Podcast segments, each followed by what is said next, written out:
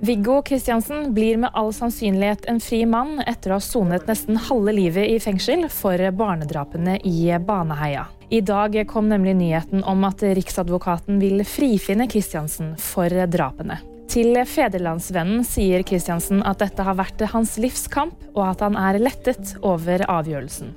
Justisminister Emilie Enger Mehl sier hun er sterkt preget over det som i dag har kommet frem i Baneheia-saken. Hvis lagmannsretten avsier en frifinnende dom, så er dette en av de største rettsskandalene i Norges historie i nyere tid.